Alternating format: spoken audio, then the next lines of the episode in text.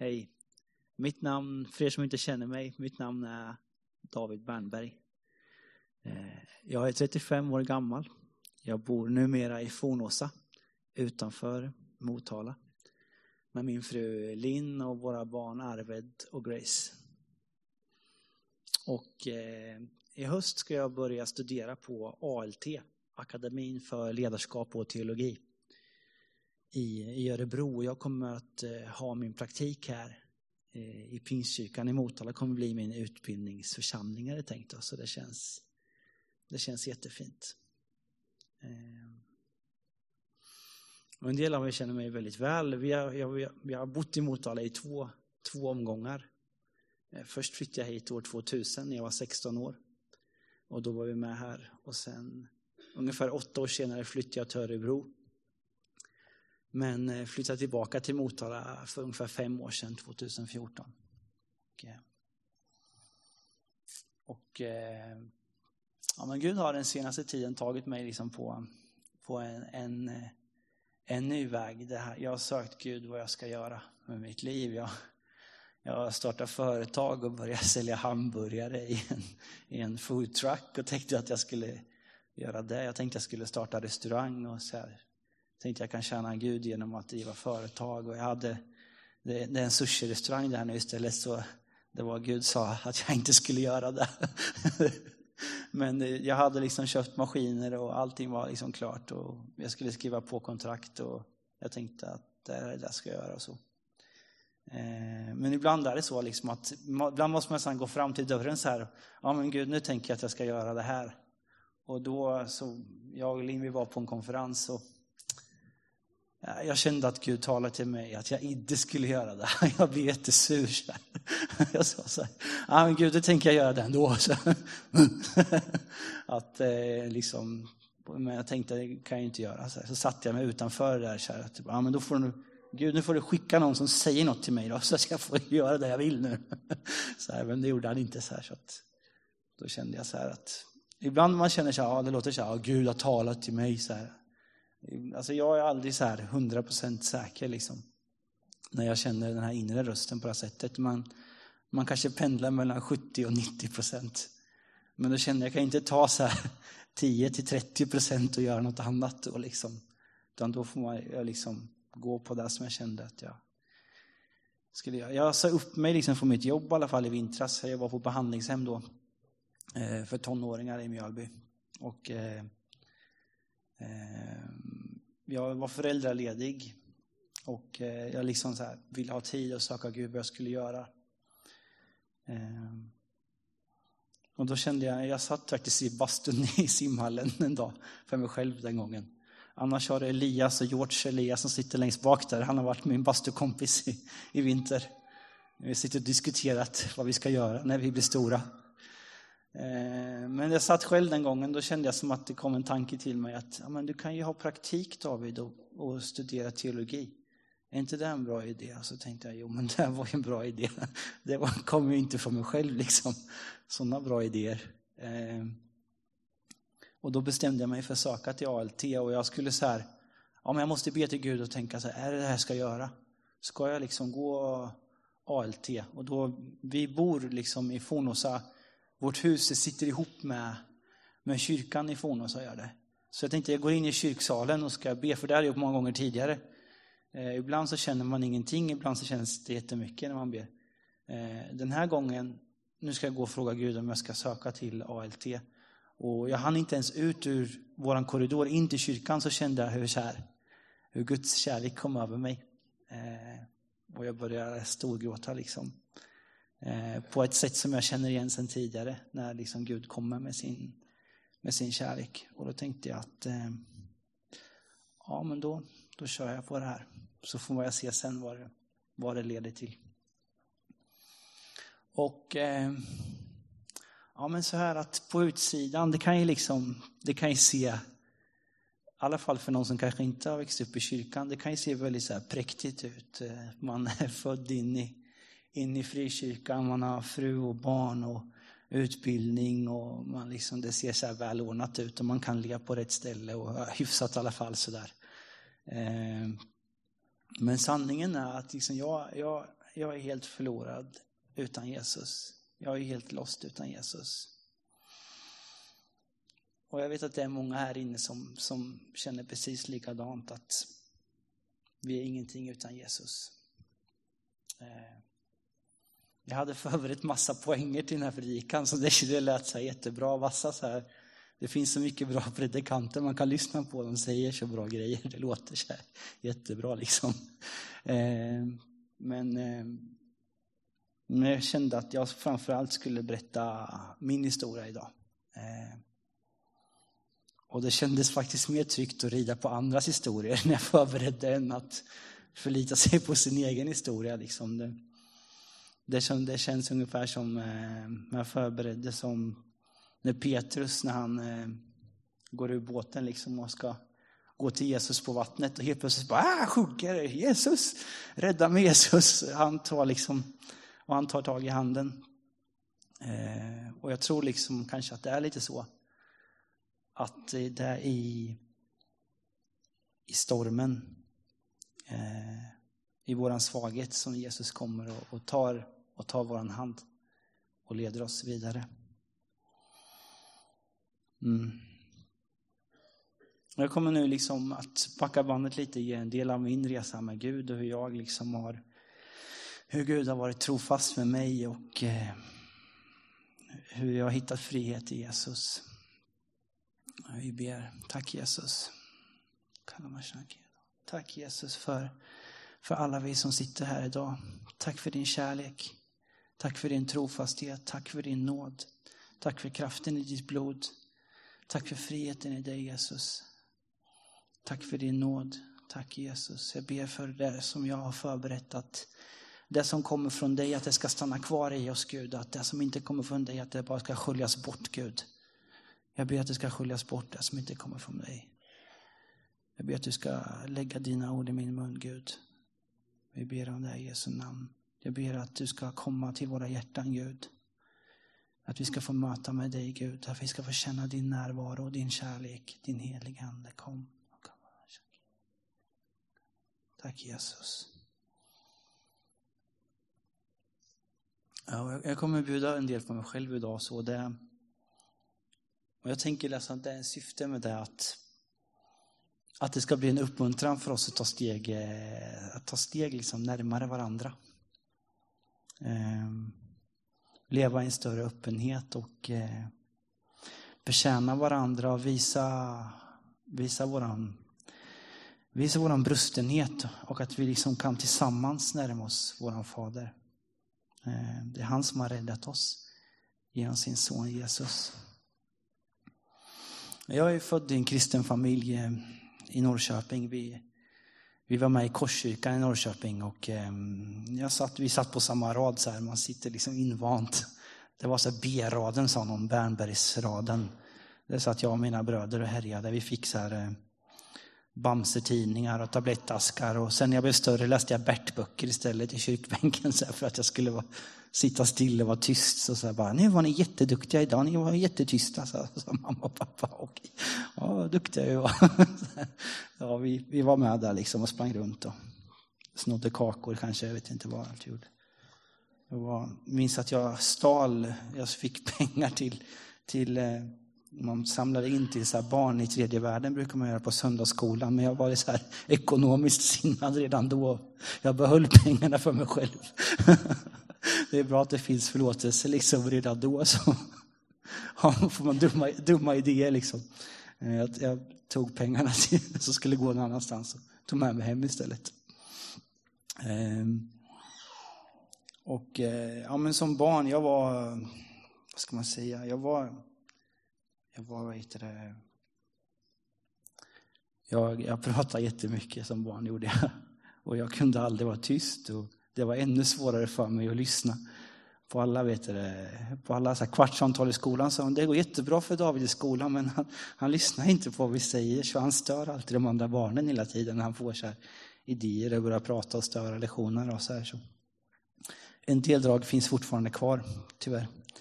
Eh, men som tonåring så blir det helt plötsligt väldigt viktigt eh, vad andra människor tycker om en. Eh, och jag hade perioder där jag Jag var både liksom inne i och utanför kyrkan.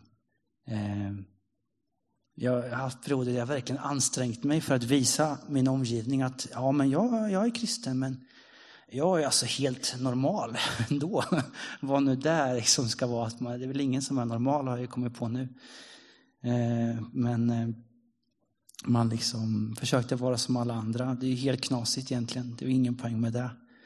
För det liksom är ju människofruktan och viljan att passa in och få vara med som styr oss. Att vi, vi vill liksom försöka anpassa oss till vår omgivning. Liksom.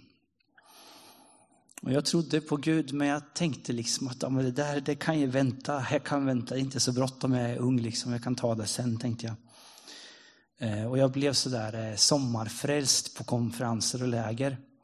Och jag vill inte så här eh, förringa betydelsen av det, för att det var liksom Gud som jag mötte. Det var inte så att det var, det var äkta och det var liksom det är jättebra att bli frälst. Det var någon som skrev en bok. Jag har varit blivit frälst massa gånger. Jag kan rekommendera det, sa han. Så här. Det är jätteskönt.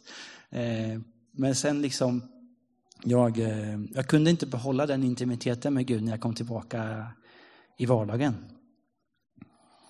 Eh, det finns den här liknelsen om sådden som Jesus pratar om i Matteus evangeliet 13. Och jag, jag var lite som sten i, sten i mark och eh, som tistlarna. Eh, Jesus förklarar den här liknelsen i vers 20 och 21 i kapitel 13. Jag ska läsa den. Det som såddes på stenig mark, det är den som hör ordet och genast tar emot det med glädje. Men han har ingen rot inom sig, utan tror bara för en tid. När han möter lidande eller förföljelse för ordets skull så kommer han genast på fall. Det som såddes bland tistlar är den som hör ordet, men världsliga bekymmer och bedräglig rikedom kväver ordet så att det blir utan frukt. Ehm, så jag, jag utvecklade ett dubbelliv där jag gick i kyrkan. Jag trodde på Gud, men jag lät inte Gud få tillgång till, till hela mig. Och när man gör så, då släpper man också in mörker i sitt liv och synd i mitt liv, så jag, jag var inte fri. Så var det. Eh, och jag, jag utvecklar också med tiden ett slags, eh, det känns jättedumt men det är sant, liksom, att jag utvecklade ett slags förakt för kristna. Jag tyckte att de var jag tyckte att de var falska, att de låtsades vara glada. Men problemet var att det var ju jag som var falsk när jag gick till kyrkan. Det var jag som tyckte det var jobbigt med att människor var glada och att det fanns ljus i kyrkan. Det var jag som inte stod ut med det. Eh, och så skyller man det på de andra. Och jag tror att det är vanligt att många känner så när man inte är med i kyrkan, att man helt tycker, tycker att alla är så här, bara, ah, vad glada ni är. Och de säger så här, härligt, härligt, och, ah, och, det är för gott att prisa. Och så här. Vad håller de på med, tänker man då, så här, när man liksom inte har det i sig själv. Då blir man lätt så här bitter och känner sig utanför. Liksom. Men egentligen är det ju, problemet var inte hos, problemet satt ju hos mig då, liksom, att jag tyckte att de kristna var tokiga. Men det var ju jag, liksom jag som var tokig. Ehm, så var det. Jag hade fina perioder där jag levde närmare Gud. Men det följdes av perioder där jag var längre ifrån honom. Ehm, när jag var 22 år då bestämde jag mig för liksom, äh, nu ska jag åka till England eh, och gå bibelskola. Och sen ska mitt liv gå spikrakt och allting ska bli bra. Så tänkte jag. Och eh, jag åkte dit och det var, alltså Gud var jättegod mot mig. Eh, jag fick liksom, man fick bo i kollektiv med andra så vi läste liksom tillsammans. Det var massa indier, afrikaner och svenskar. Vi bodde tillsammans och vi hade bibelskola och det var liksom, man lever som i en bubbla. Och det var jättetryggt och det var jättebra för mig. Eh, verkligen. Gud liksom visade mig nya saker. Och, och jag tyckte det kändes bra med den där bubblan så jag, jag fortsätter på det. Och, Eh, Eh, jag fick chansen att vara teamare här i Motala året efter.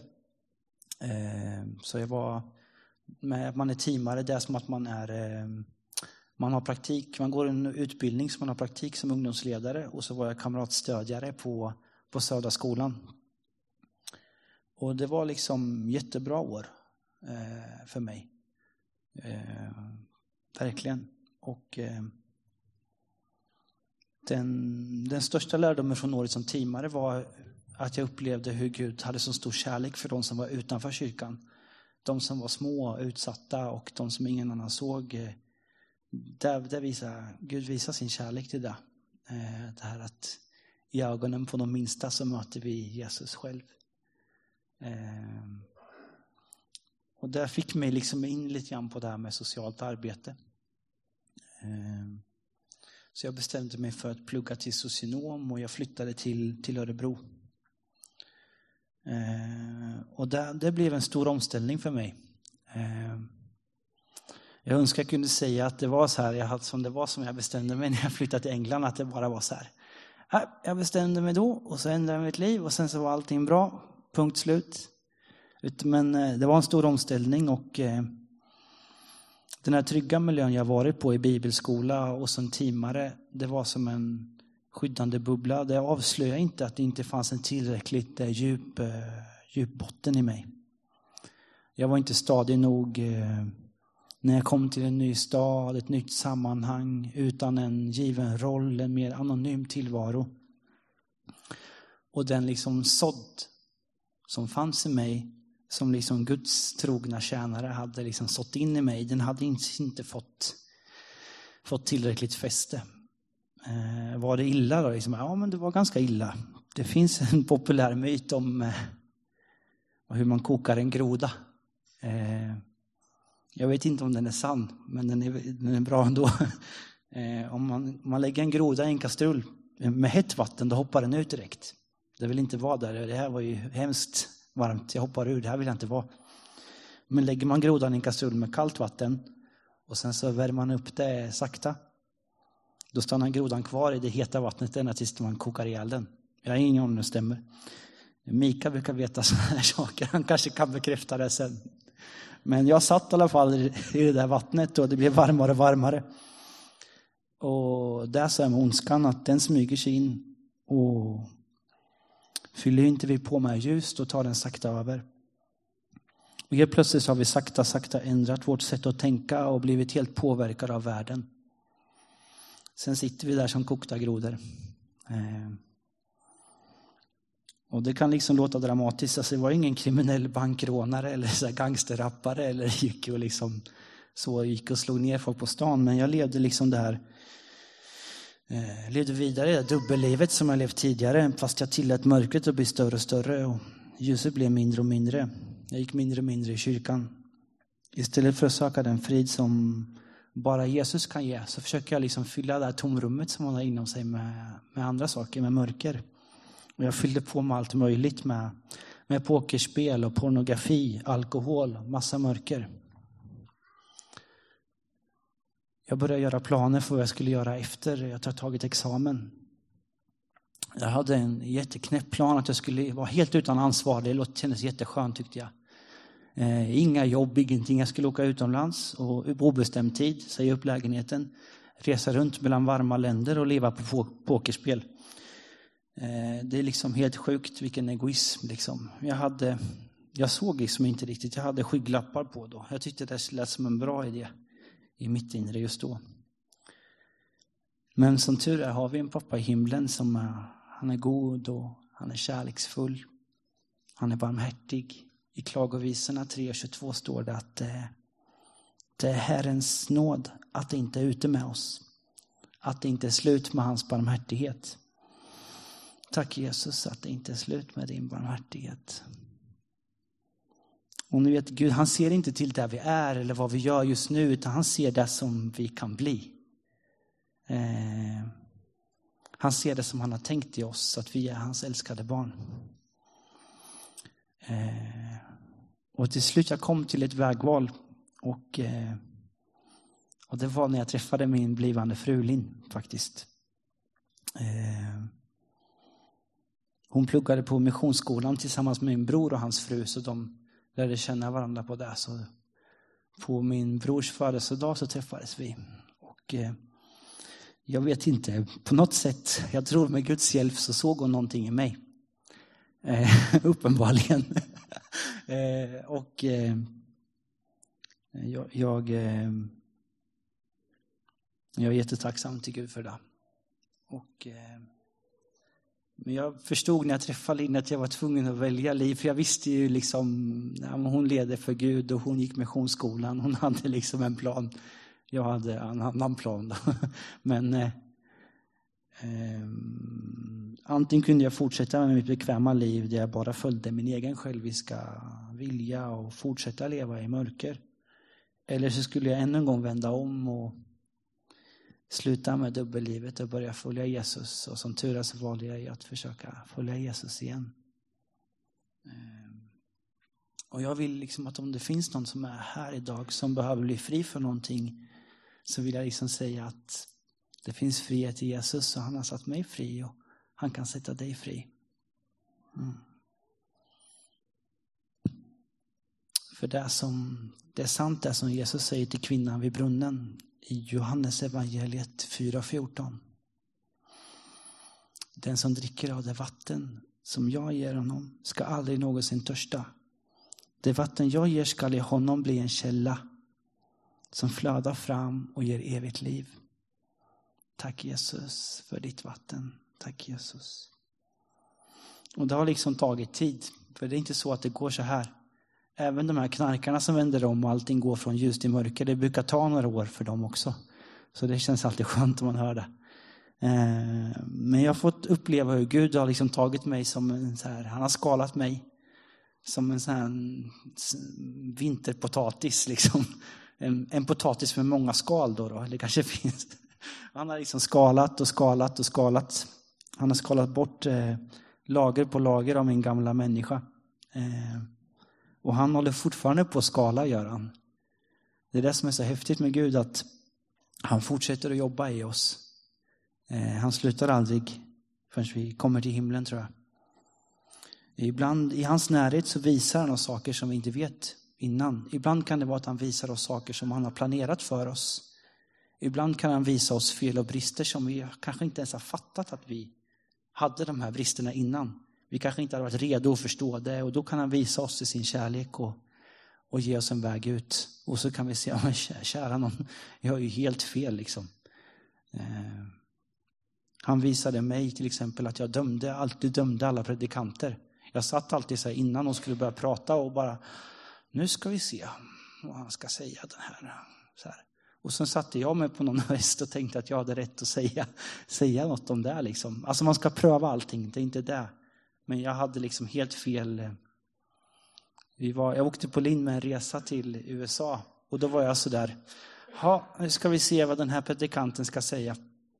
Och den första predikan var som han sa så här, när du hör någonting, ser någonting på tv som du inte tycker om, eller en predikan som du inte tycker om, då ska du inte ta upp en sten och kasta, utan du ska räcka ut din hand och välsigna det. Och då förstod jag att att det var någonting som jag, jag var ju helt fel ute i vad jag tänkte. Det hade jag inte fattat innan. Liksom. Eh, så det är så att han kan liksom, hör du David, det finns ett, liksom ett lager till där som vi behöver skala bort. Han kan liksom visa oss, han, han fortsätter att visa oss saker som han vill. Han vill hela tiden göra oss mer lika Jesus, så är det. Eh, jag ska berätta en grej till en historia från mitt liv som handlar om Guds kärlek till oss. Eh, och hur, eh, hur fantastiskt det är när vi betjänar varandra med de andliga gåvorna. Eh, det här var när jag och Linn vi var gifta och vi hade börjat vårt liv tillsammans. Och jag tyckte liksom att det var ganska jobbigt för att jag hade inte så mycket klar bild av vad jag ville göra med mitt liv. Och, eh, från mitt sätt att se det så tyckte jag att Linn hade funderat ut allting. Hon var liksom jätteklar vad hon skulle göra. Hon hade valt ut en organisation som hon ville jobba för. Hon ska göra det här, hon ska göra det här. Och ungefär David, det är det här vi ska göra, bara så du vet. Så du får liksom, ja, så kände jag. Det kanske inte var så i Linns värld, men det var så jag upplevde det. Och jag sa så här, men gode Gud, vad ska jag göra? Liksom, vad ska jag?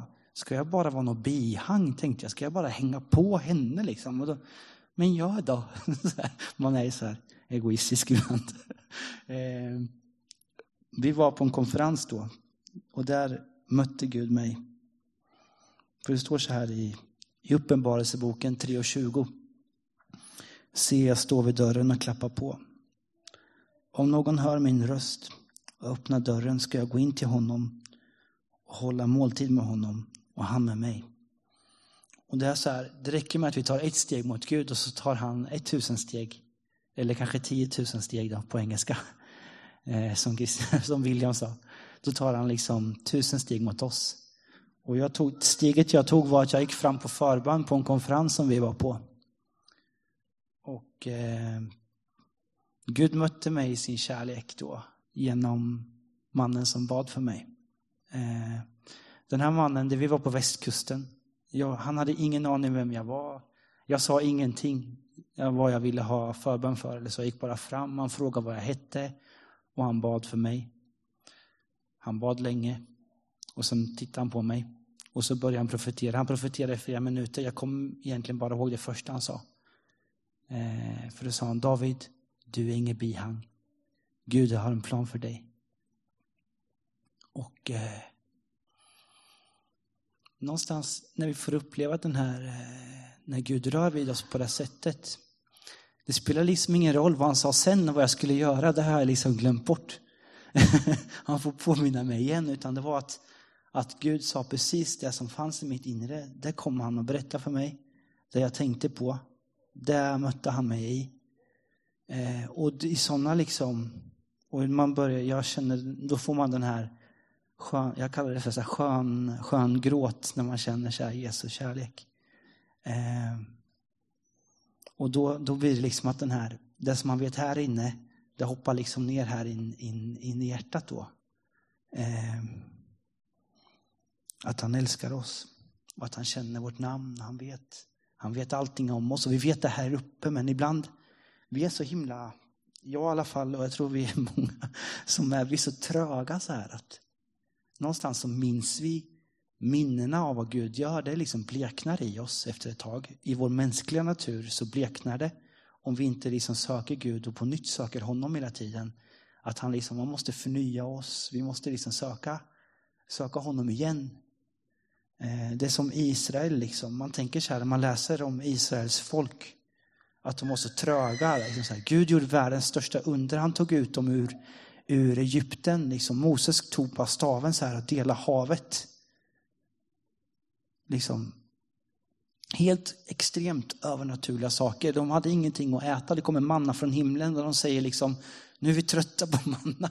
Kan vi få något annat? Gud steker på så här vaktlar och skickar ner liksom till dem och får äta annan mat istället. Då liksom. Att Gud gör värsta miraklerna hela tiden. Men de börjar bli så här, ah, vet inte riktigt, är det verkligen Gud som är, den här mannen är ändå inte god alltså. De börjar bli så här, man tänker bara, vad håller ni på med liksom? Är ni så tröga liksom? Ser ni inte, kommer ni inte ihåg att Gud har delat havet liksom för er?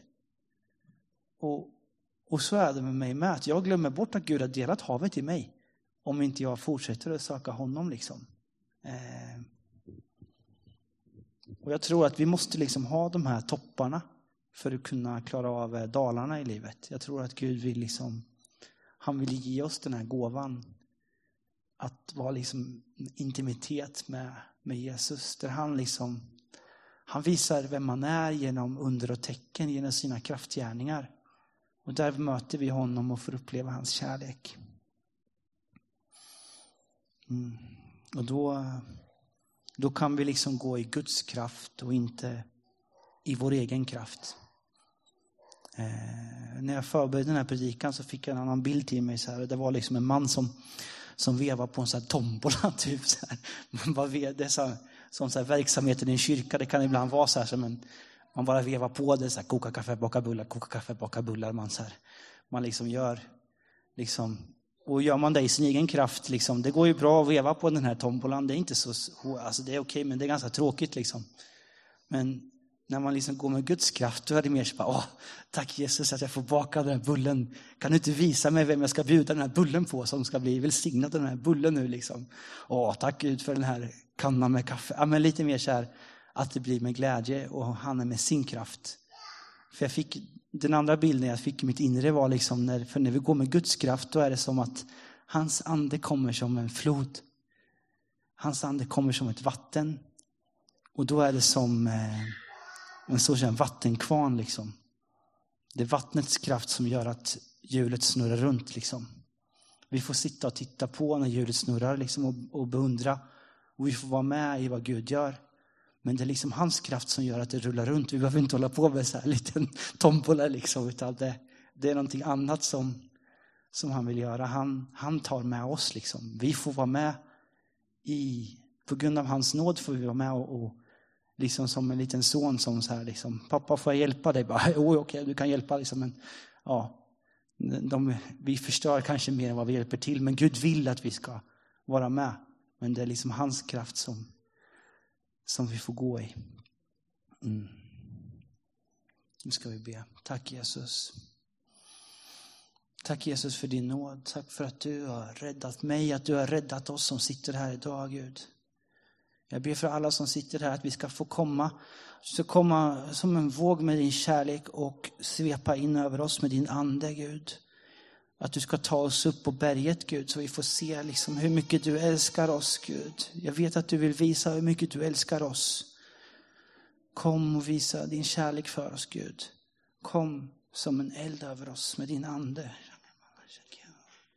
Tack Jesus för din kärlek till oss.